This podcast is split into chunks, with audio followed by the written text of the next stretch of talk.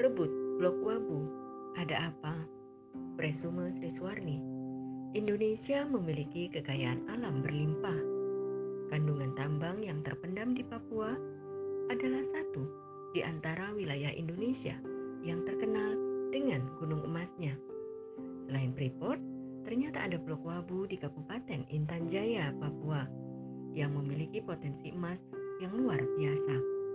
Hal ini terungkap setelah Direktur Eksekutif Lokataru, Haris Ashar, mengunggah video berjudul Ada Lord Luhut di balik relasi ekonomi operasi militer Intan Jaya. Jenderal Bin juga ada. Dalam YouTube pribadinya pada 20 Agustus 2021 lalu. Potensi emas yang demikian besar di Blok Wabu menjadi incaran para penguasa. Sebelum 2018, Freeport telah melepas Blok Wabu kepada pemerintah.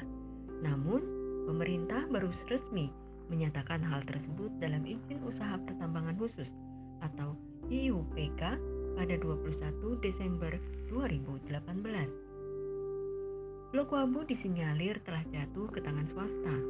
Ada empat perusahaan yaitu satu di antaranya adalah PT Tobabara Sejahtera, perusahaan yang diduga terapialisasi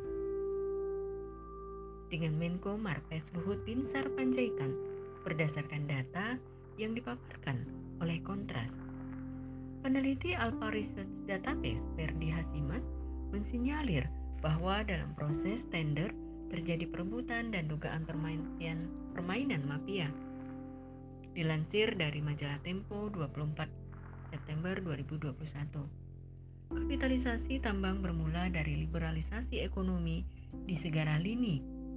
Siapa pun dianggap memiliki hak memenangkan tender meski kekayaan alat tersebut terkategori harta milik umum.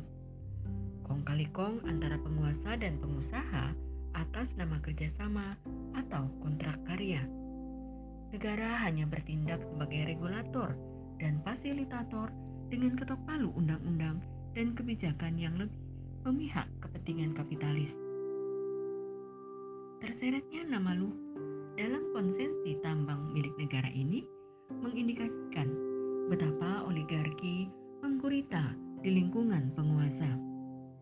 Kebebasan kepemilikan dalam kapitalisme memiliki dampak berkepanjangan bagi rakyat. Boleh jadi satu wilayah memiliki kekayaan alam melimpah, tetapi tak menjamin penduduknya hidup sejahtera.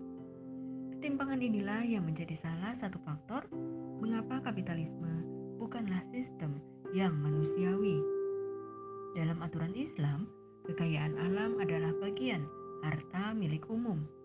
Kepemilikan umum ini wajib dikelola negara dan hasilnya dikembalikan untuk kesejahteraan rakyat secara umum. Sebaliknya, haram hukumnya menyerahkan pengelolaan harta milik umum kepada individu, swasta, ataupun asing.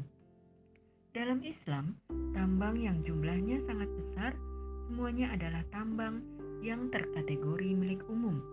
Karenanya, pengelolaan tambang emas seperti Freeport dan Blok Wabu tidak seharusnya dilelang atau diperjualbelikan layaknya barang dagangan milik pribadi.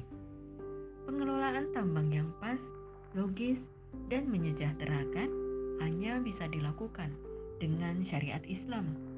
Sehingga anugerah Allah Subhanahu wa taala yang sangat besar ini dapat menjadi berkah bagi alam, manusia, dan kehidupan, bukan menjadi malapetaka yang berujung sengsara.